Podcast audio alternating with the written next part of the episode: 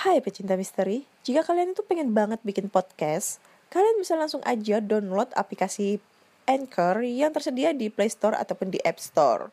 Caranya gampang banget, silahkan tinggal download dan itu gratis tanpa dipungut biaya.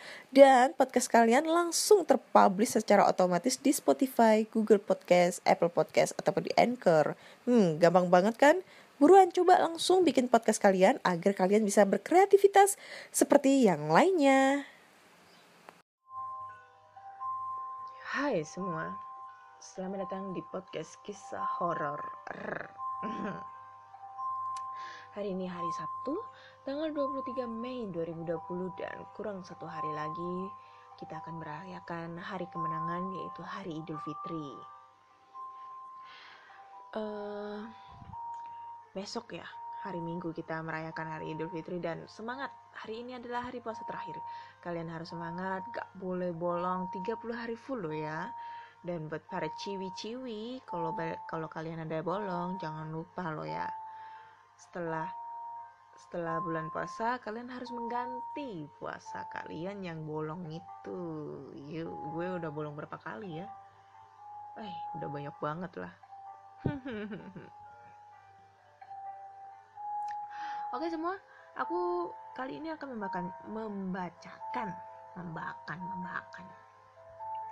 Membacakan email berhantu lagi dari teman-teman semua yang sudah mengirimkannya melalui podcast kisah horor at gmail.com ataupun di DM Instagram Ana Olive. hmm, batuk udah. Berapa lama ini ya aku batuk ini tapi bukan corona loh ya.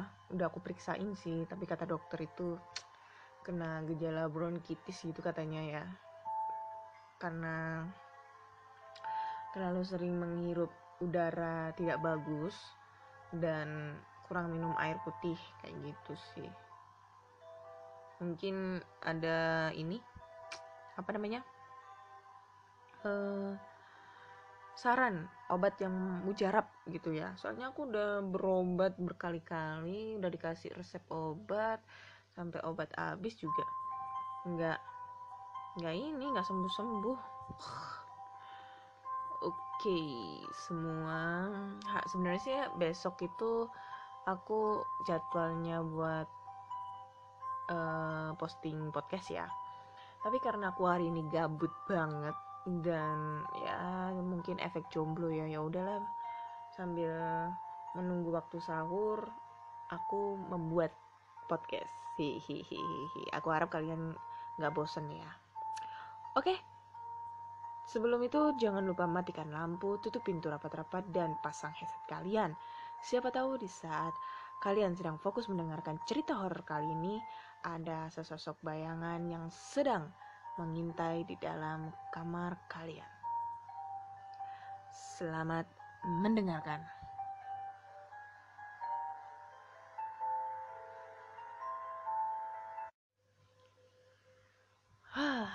mulai lagi dengan cerita horor. Oke. Ini udah banyak banget email yang masuk dan kita harus membacakan satu demi satu dan kali ini akan ada tiga cerita yang aku bacakan kali ini. Dan cerita pertama datang dari email. Bentar ya.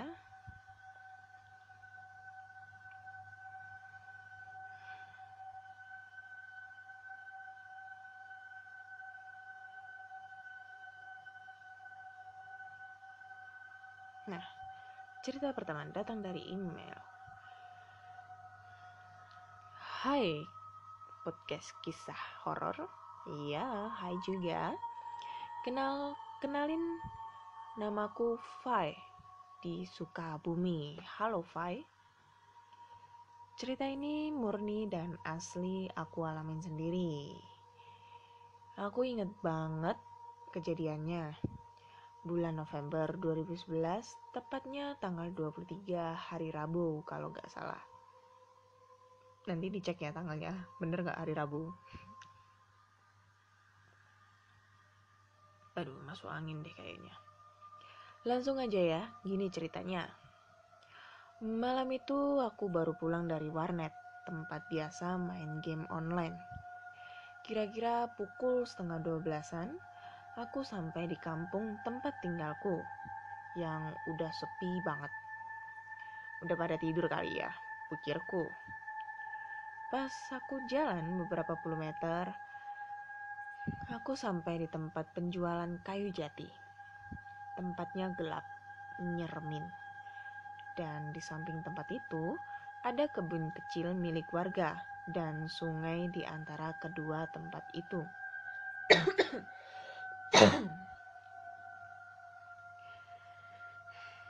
Tiba-tiba aku dengar suara kedebuk. Suara benda jatuh berasal dari kebun kecil tadi.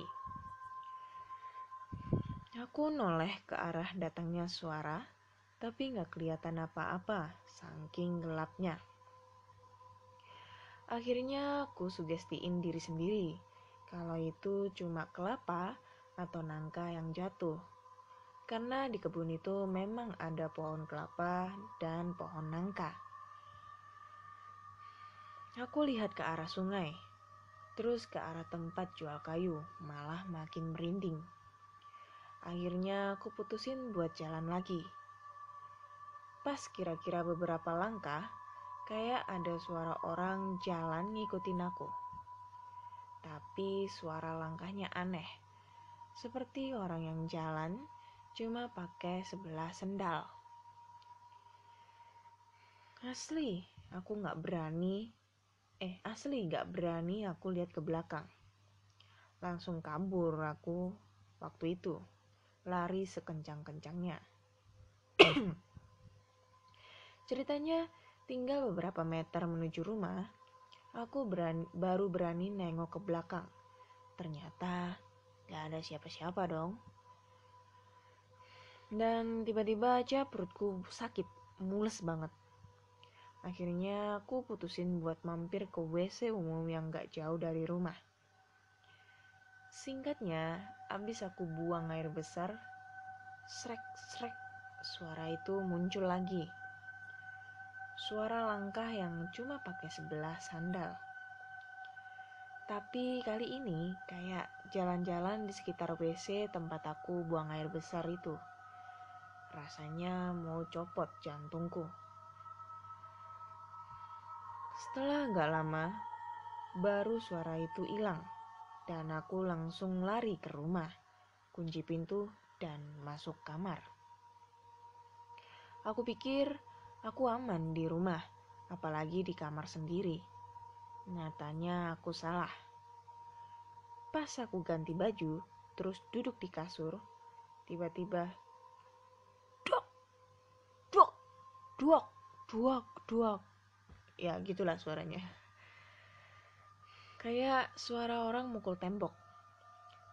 Disusul dengan suara orang gedor-gedor jendela kamarku. Yang paling parah, jendela kamarku itu kayak mau dipaks dibuka paksa.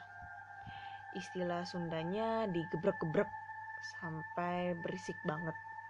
Dan aku cuma berdoa sebisanya. Kira-kira pukul satu dini hari, baru suara-suara itu hilang. Ucapan syukur pun keluar dari mulutku. Tapi nggak lama setelah itu terdengar suara kumbang. Mendengung gitu pokoknya. Nabrak-nabrak jendela kamarku. Parno tingkat berat waktu itu. Asli, nggak bisa ngapa-ngapain selain pasrah. Akhirnya aku beraniin ngomong. Hei, yang di luar. Kamu kenapa sih ganggu saya? Apa salah saya?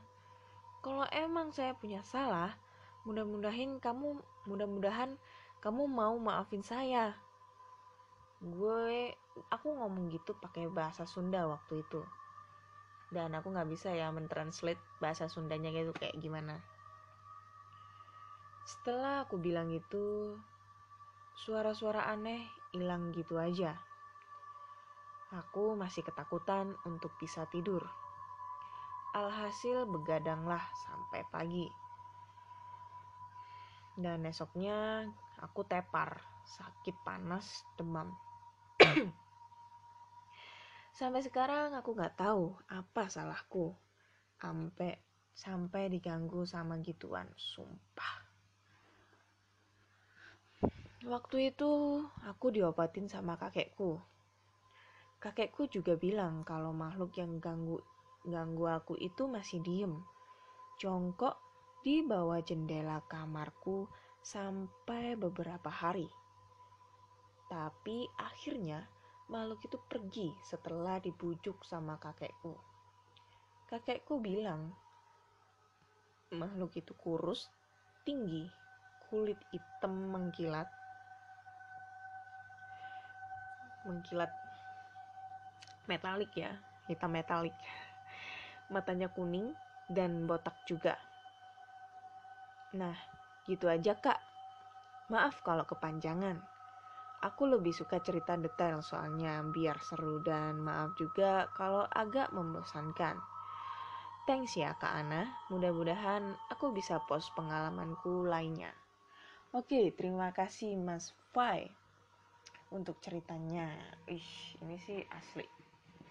Bete banget ya kalau seandainya mm, ngalamin diganggu hantu dan hantunya itu masih ngedongkrok di bawah jendela kamar kita gitu ya nungguin kita. Dan emang sih ya pohon pokoknya pohon yang berurusan dengan jati-jati itu agak serem menurutku. Jadi ini aku kasih uh, selipin ceritaku ya. Ini cerita pengalamanku.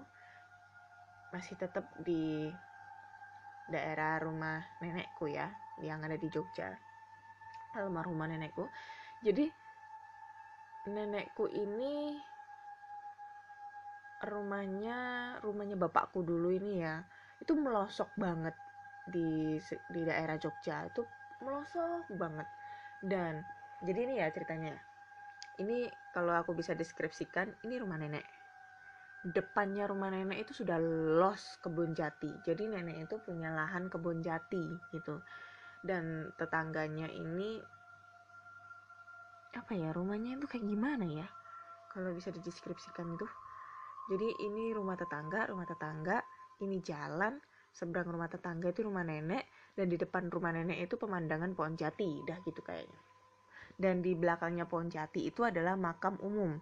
Di depannya makam umum adalah di seberangnya makam umum itu kali yang biasanya buat kita mandi, nyuci baju gitu ya, yang dulu pernah aku ceritain.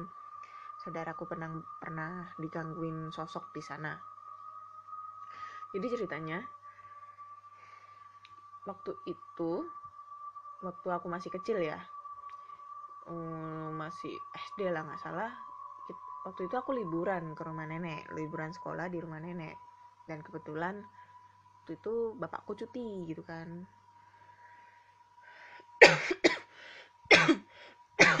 cuti karena habis dinas luar gitu. Nah waktu itu aku pulang sama bapakku doang. Mamaku nggak nggak ikut. Mamaku kan mamaku di rumah di Surabaya. Soalnya tuh mamaku tuh paling anti gitulah diajak mudik-mudik gitu. Walaupun mudik di rumahnya sendiri di Kediri di Nganjuk situ dia nggak mau. Males gitu katanya. Jadi tuh uh, aku pulang sama bapak sama ponaanku gitu ya. Ponaanku. Nah waktu itu rumahnya ini dulu itu kurang penerangannya itu agak kurang. Jadi kejadiannya itu sebelum ada gempa Jogja tuh ya. Uh, tahun sekitar tahun 9 tahun 2000-an lah. Tahun 2000-an gempa Jogja kan 2006 nah waktu itu bapak ini cerita dari bapakku ya. Waktu itu bapakku ini pengen buang air besar. Nah kalau dulu dulu sebelum waktu ada gempa Jogja dulu itu kita kalau mau buang air mau nyuci baju ambil air ataupun mandi itu di kali guys. Kali di sungai kecil gitu ya. Nah kita belum ada kamar mandi. Semuanya itu yang ada di sana di desa itu belum ada kamar mandi. Jadi aksesnya itu ya di sungai itu. Dan di sana itu banyak banget ya sungai-sungainya. Nah waktu itu sekitar katanya sih sekitar pukul 7 jam 7 jam 8an itu udah sepi. Jam jam 7 itu udah sepi banget. Habis isa itu udah sepi banget gitu kan. Terdengar suara kumbang-kumbang gitu kan banyak banget. Nah waktu itu bapak itu mau buang air besar bermodalkan senter senter-senter jadul kayak gitu kan. Nah waktu dia mau keluar ke arah kali kan ngelewatin pohon jatinya ini lewat sampingnya. Dia itu kayak ngedenger suara langkah kaki yang nginjek ranting. Nah, bapakku ini mau meriksa dong, takutnya e, itu maling, maling yang mau ngambil pohon jati gitu loh. Soalnya ha, pernah kejadian ada maling yang yang ma, apa ngambil pohon jati. Soalnya waktu itu nenekku tinggal sendirian gitu kan. E, maling pohon, pohon jati. Nah, bapakku ini kan ke mana-mana kan selalu bawa sangkur ya buat jaga-jaga soalnya bapakku dulu kan TNI ya Nah dia tuh mau nyamperin, nyamperin tuh maling gitu. Niatnya mau nyamperin tuh maling di center-center tuh nggak ada. Terus mikir kan, ah mungkin perasaannya dia aja, mungkin tikus atau musang lewat gitu kan. Pokoknya hewan lah gitu. Jalan lagi lah. Baru ada tiga langkah, empat langkah, kedengeran suara orang kayak lari gitu. Lari. Nah ini larinya itu suaranya tuh gede banget gitu. Bukan bukan langkah hewan tapi kayak langkah orang gitu kan. Bisa dibedakan lah. E, larinya hewan sama larinya larinya orang tuh beda banget suaranya itu. Nah dia mau center-center dong. Bapakku udah center-center kan. Dan emang itu pon, e, kebun jatinya tuh luas banget gitu kan. Center-center. Pas waktu mau nyenter ke arah ke arah arah dekat rumah bapakku ngelihat ada sesosok bayangan hitam yang tiba-tiba lari cepet gitu. Dikejar dong sama bapakku dipik dipikir itu maling gitu kan. Mau nyuri pohon jati itu dikejar bawa sangkur uh dikejar. Pas udah nyampe di lokasi dicari dong di center-center lagi. Hilang itu uh, sosok itu.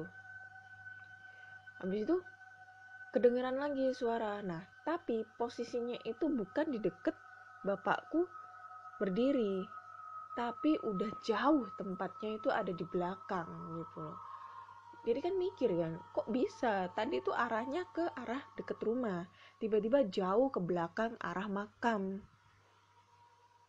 Padahal bapakku tuh nggak dengar suara langkah kakinya itu yang tiba-tiba kan jaraknya tuh jauh banget ya. Pasti kan kalau misalnya lari itu kan e, kedengeran suara langkahnya tuh kan jauh ya. Tapi ini enggak suara langkahnya itu sebentar cuma udah posisinya itu jauh banget ke arah makam.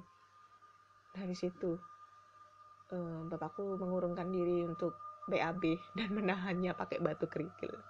Itu sih cerita dari bapakku. Tapi emang sih ya terkait itu semua yang namanya jati itu pasti aduh serem sumpah serem. Pohon jati kebun jati serem banget. Katanya sih sosok genderuwo atau apa aku juga nggak tahu ya. Kayak gitu. Tapi kalau kayak pohon sawo pohon sawo itu genderuwo juga. Sama kuntilanak gitu biasanya. Pohon duren kayak gitu gitu oke lah terima kasih ceritanya buat Mas Fai. Lanjut ke cerita kedua. Banyak ngoceh di Hana ini Oke, cerita kedua. Datang dari email. Halo podcast kisah horor. Namaku Hudi. Aku akan menceritakan tentang pengalamanku yang berada di sekitar stasiun Kebayoran. Malam itu sekitar pukul 11.30 malam. Suara tokek guys kita hitung ya. Bentar ya kita hitung ya. Ini bunyi berapa kali? Satu. Dua. Tiga. Empat. Lima. Enam, tujuh, delapan, sembilan, sepuluh. Nambah guys, sebelas, dua belas. Enggak. Karena kata orang-orang itu mitos, kalau jumlah suara tokek itu dia ganjil, katanya ada makhluk halus. Gitu. Ini bulan puasa loh ya, nggak usah ganggu. Besok itu udah lebaran coy. Mentang-mentang aku lagi bikin cerita horor lagi. Oke lanjut ya. Malam itu sekitar pukul 11.30 malam, aku masih saja duduk di motor menunggu penumpang di depan stasiun. Sebenarnya aku udah merasa lelah, tetapi karena merasa penghasilan kurang, aku enggan untuk pulang. Suasana stasiun sudah sangat sepi. Aku mulai sedikit putus asa. Tetapi senyumku langsung merekah ketika aku melihat ada seorang wanita keluar dari stasiun.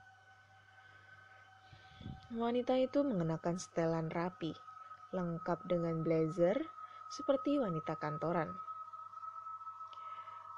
Kemudian aku menawarkan jasanya kepada wanita itu, dan wanita itu mengiyakan tawaranku. Wanita itu minta diantarkan ke wilayah tanah kusir. Aku pun memacu sepeda motorku. Di tengah perjalanan, aku menanyakan wanita itu hendak pergi ke mana. Dengan suara yang dingin, Wanita itu menjawab, "Saya mau pulang, Bang." Jujur aja, aku sedikit merinding mendengar suara wanita itu. Sepanjang perjalanan, aku dikagetkan dengan suara benda terjatuh dari motorku. Kontan saja, aku menanyakan kepada penumpang, apakah ada barang yang terjatuh? Namun sekali lagi wanita itu menjawab dengan nada yang sangat menyeramkan. Gak ada bang. Padahal aku yakin sekali ada sesuatu yang terjatuh dari motorku. Aku pun lebih awas memantau wanita itu dari kaca spion motorku. Selang beberapa menit kemudian, aku melihat hal mengerikan yang aku sendiri tidak percaya. Dari kaca spion, aku melihat tangan wanita yang sedang memegang tas itu copot dan terjatuh dari motorku. Dari lengan itu keluar banyak darah. Aku tentu saja kaget. Motorku oleng dan hampir terjatuh. Untung aku masih bisa mengendalikan motorku. Tetapi jantungku sudah berdegup kencang. Ia takut yang aku bonceng ternyata bukan manusia. Lantunan doa keluar dari mulutku. Bahkan aku tidak fokus ke jalan. Tubuhku sudah gemetaran hebat. Iseng-iseng aku melihat ke arah spion sebelah kanannya. Dan betapa kagetnya. Aku melihat aku saat melihat pantulan yang ada di spion kanannya. Ternyata wanita yang aku bonceng itu tidak berkepala. Aku hanya melihat leher yang sudah terpenggal dan mengeluarkan darah kehitaman serta belatung. Hi, serem. Melihat hal itu, kini aku tidak dapat mengendalikan laju motorku lagi. Aku akhirnya tersungkur jatuh dari motorku. Dan seketika wanita itu, wanita jadian-jadian itu, jadi-jadian itu menghilang. Aku bangun dan membersihkan diriku. Ketika ia sedang membersihkan, ketika aku sedang membersihkan bajuku, terdengar suara tawa cekikikan dari balik rimbunan pohon.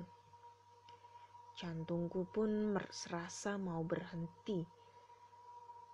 Tidak lama setelah itu terdengar suara, "Bang, tolongin saya." Dibarengi dengan sesosok kepala keluar dari semak-semak dan terbang ke arahku. Yang ternyata itu adalah kepala wanita yang aku bonceng tadi. Hmm, hancurlah serem ini pak. Saat itu aku seperti disambar petir. Aku hanya bisa terpukau di terpaku diam. Aku seakan tidak percaya akan apa yang ia yang aku lihat. Ketika kepala itu sudah berada 5 meter dari diriku, tiba-tiba Aku tersadar dan berlari sekuat-kuatnya meninggalkan motorku. Wajah wanita itu sangat pucat dan banyak luka di sana-sini. Aku terus saja berlari, dan akhirnya aku sampai di sebuah rumah warga. Aku mendapat pertolongan. Aku ditampung oleh salah seorang warga. Keesokan paginya, aku bersama seorang warga mengambil motorku yang tertinggal di sebuah kebun kosong.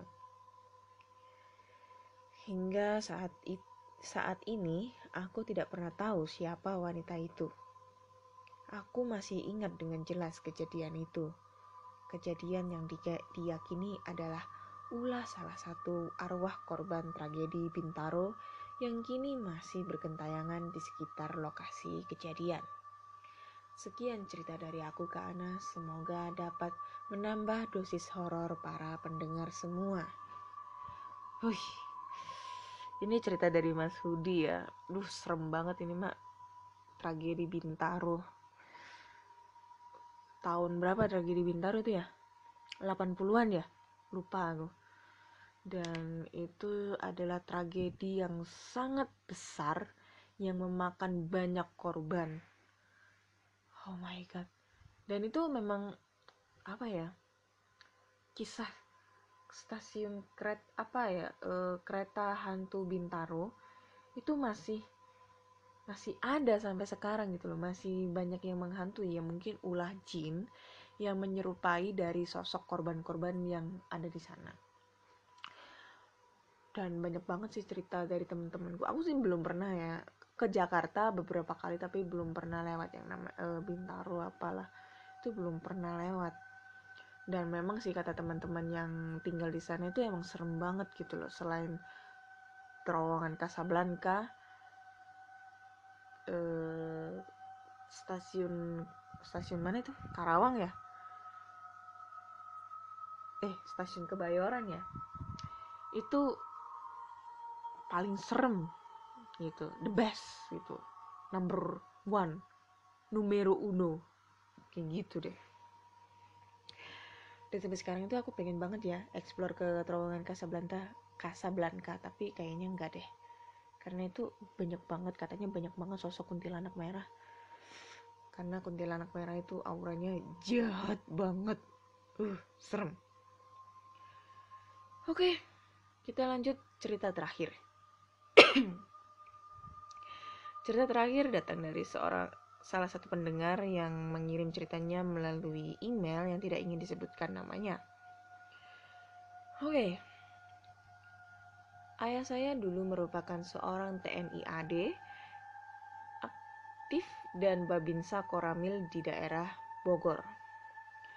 Dia pekerja ulet dan tidak pernah mengeluh dengan keadaannya yang dulu cuma berpangkat kopral untuk membiayai kuliah kakak perempuan saya waktu itu, sekitar tahun 2003-an.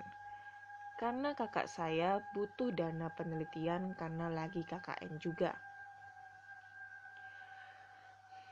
Kebetulan pada waktu itu ayah saya punya angkot yang selalu kejar setoran, dalam artian bagi hasil dengan supir, walaupun pembagian hasilnya dimulai pagi pukul 8 sampai setengah 6 sore. Nah, setiap sore itu angkot selalu simpan di garasi rumah. Memang tidak ada yang aneh bagi saya kelihatannya. Tapi, jikalau ayah saya sehabis piket dan bertugas, beliau suka nyambi jadi supir angkot karena butuh biaya untuk sehari-hari dan kuliah kakak saya juga. Dan kuliah kakak saya juga, kadang dan kuliah kakak saya juga. Anjir lah, nggak ada tanda komanya, cuk. Bingung, cuk, bacanya. Kadang beliau selalu pulang larut malam dengan hasil yang memuaskan. Dikarenakan kalau malam di daerah kami sangat susah sekali kendaraan jikalau sudah lewat maghrib. Suatu ketika di kala sekolah ada tanggal merah, saya ingin ikut jadi iseng-isengan kondektur. Jadi ik, anjir lah ini mah alamak jan ada tanggal merah, saya ingin ikut jadi iseng-iseng kondektur kecil cilik. Waktu itu memang yang memaksa, memang saya memaksa untuk ikut dan ingin tahu keadaan malam hari. Walaupun ayah saya sering melarang, tapi saya memaksa dan duduk di belakang kala itu. Anjir lah mbak, lain kali tanda baca koma, tanda titik itu harus di apa ya harus diterapkan ya. Biar yang baca nggak bingung ceritanya. Kalau bingung itu nanti alurnya jadi nggak asik tau nggak sih loh? Pukul menunjukkan setengah sembilan malam saya melihat jam dinding yang ada di toko karena angkot lagi ngetem cari penumpang. Memang jarak kota ke desa itu sekitar 21 sampai 28 km, melewati jarak yang cukup jauh untuk trayek angkutan umum.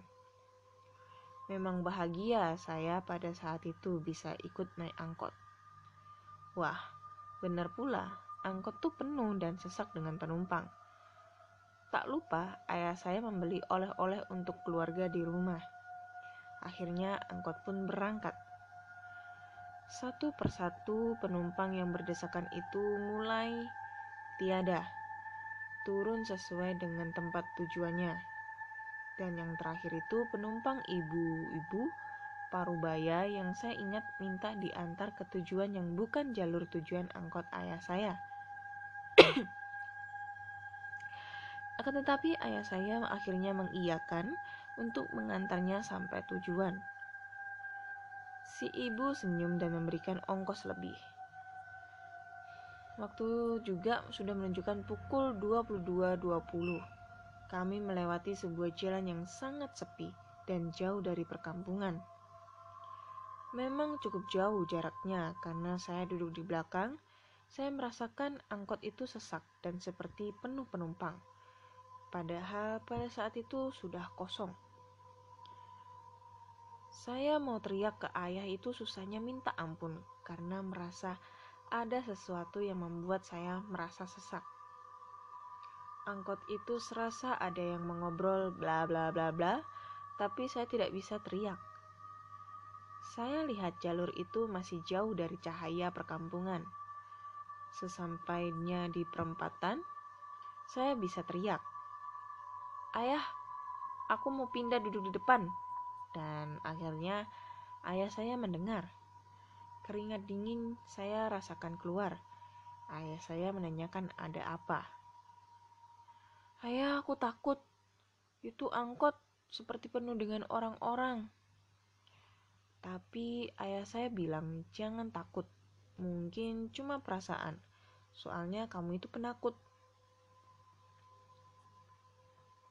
Sambil ayah saya waktu itu bercanda, dan sampai juga di rumah tercinta. Tapi dari situ saya paling ogah atau malas di malas jika diajak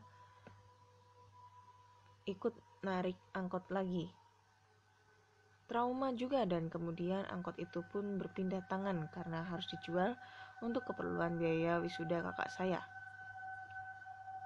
Waktu berlalu begitu cepat karena saya sudah pindah rumah dikarenakan ayah saya sudah pensiun dan tidak tinggal lagi di Bogor dan sekarang tinggal di Cianjur.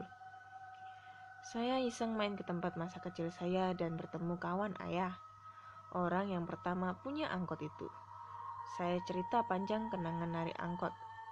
Akhirnya kawan ayah saya bercerita, ternyata angkot itu adalah angkot yang dulu pernah kecelakaan masuk jurang dan semua penumpangnya meninggal dan hanya sebagian yang masih hidup. Hidup. Pada saat itu, pada saat itu kecelakaan angkot dalam keadaan penuh. Waduh, di situlah saya baru tahu. Ternyata angkot yang penuh berkah dan rezeki itu ternyata banyak kenangan yang tak terduga. Di akhir saya pulang malam, di akhir saya pulang malam, anjir lah, gila. Saya melihat angkot itu sudah terbengkalai di pinggir rumah orang yang dulu beli di, dari ayah saya. Berkarat dan sudah tidak terawat karena mesinnya sudah rusak. Anjir lah. Ceritanya selesai guys. Jadi aku nggak bisa menangkap tentang cerita yang terakhir ini ya. Karena alur ceritanya yang berantakan dan nggak ada tanda bacanya, nggak ada kata pemi tanda pemisahnya yang aku bingung harus ceritanya itu kayak gimana modelnya gitu loh. Sumpah ini ya mohon maaf ya mohon maaf banget bukannya bukannya aku itu tidak menghargai atas kiriman cerita kalian ya ya aku apresiasi banget lah apalagi kalian sudah uh, berkenan untuk memberikan cerita, berbagi cerita horor kepada saya dan rekan-rekan pendengar podcast kisah horor. Cuma, cuma nih ya, ya mohon maaf banget. Kalau kalian tidak bisa menulis, mengetik suatu alur cerita yang bisa nyambung, maksudnya dalam arti intonasi katanya, pokoknya itu al, ka, kalimatnya yang tidak berantakan itu mending kalian ini aja deh. Voice bikin memo suara voice recorder ya. Nah dari voice recorder nanti kirim aja di email aku. Nah dari email aku nanti pasti aku post di Spotify di podcast aku ataupun di YouTube. Begitu teman-teman. Mohon maaf ya bukannya saya tidak menghargai. Saya apresiasi banget untuk uh, usaha kalian. But terima kasih ya kak buat ceritanya Oke, dari ketiga cerita ini menurut aku sih yang paling serem adalah cerita yang kedua ya, yang tragedi arwah Bintaro itu, ih serem itu sumpah. Gak bisa ngebayangin kalau aku ada yang di posisinya Mas Hudi itu gimana ya. Karena biasanya tuh ya kalau aku kalau aku pulang malam dulu tuh pernah kalau biasanya aku nginep di rumah temen dan rumahnya tuh lumayan jaraknya cukup jauh biasanya aku subuh disuruh pulang sama mamaku karena bantuin ini ya bikin kue kan buat jualan. Nah itu selalu aku was-was ngeliatin ke spion uh, ada yang ngikut apa enggak gitu. Ya tapi dari situ juga aku udah gak berani deh kalau pulang subuh-subuh naik motor takut kena begal ya udah trauma banget hampir kena begal. Jadi biasanya kalau misalnya aku explore ngonten ya bukannya sombong sih ya. Kalau sendirian aku biasanya bawa mobil. Tapi kadang itu biasanya kalau habis ngonten di explore di tempat terbengkalai di tempat-tempat angker gitu kadang itu suka pulang ke rumah itu perjalanan itu suka ngelihat spion gitu kan ngelihat spion tengah gitu takutnya ada yang ngikut ke belakang gitu duduk di belakang gitu kan. Serem banget coy. Oke. Terima kasih semua untuk ceritanya. Halo semua. Ya. Sebelum itu saya mau mengucapkan selamat hari raya Idul Fitri 1441 Hijriah. Mohon maaf lahir dan batin semua uh, maafin Ana ya kalau selama ini dalam membawakan podcast, membawakan cerita-cerita horor ada salah-salah kata dan salah-salah ucap. Mulai dari nol lagi ya. Dan untuk kalian semua ya pokoknya saya ingin mengucapkan selamat hari raya Idul Fitri ya aduh nggak kerasa gitu ya satu bulan udah kita terlewati dan udah udah apa namanya udah mencapai hari H, hari Lebaran, walaupun kita tidak bisa merayakannya dengan sanak keluarga yang ada di desa ataupun di mana-mana, ataupun tidak bisa berkumpul, tetapi setidaknya kita selalu mendoakan satu sama lain. Oke, terima kasih untuk semuanya dan selamat merayakan hari Lebaran. Assalamualaikum.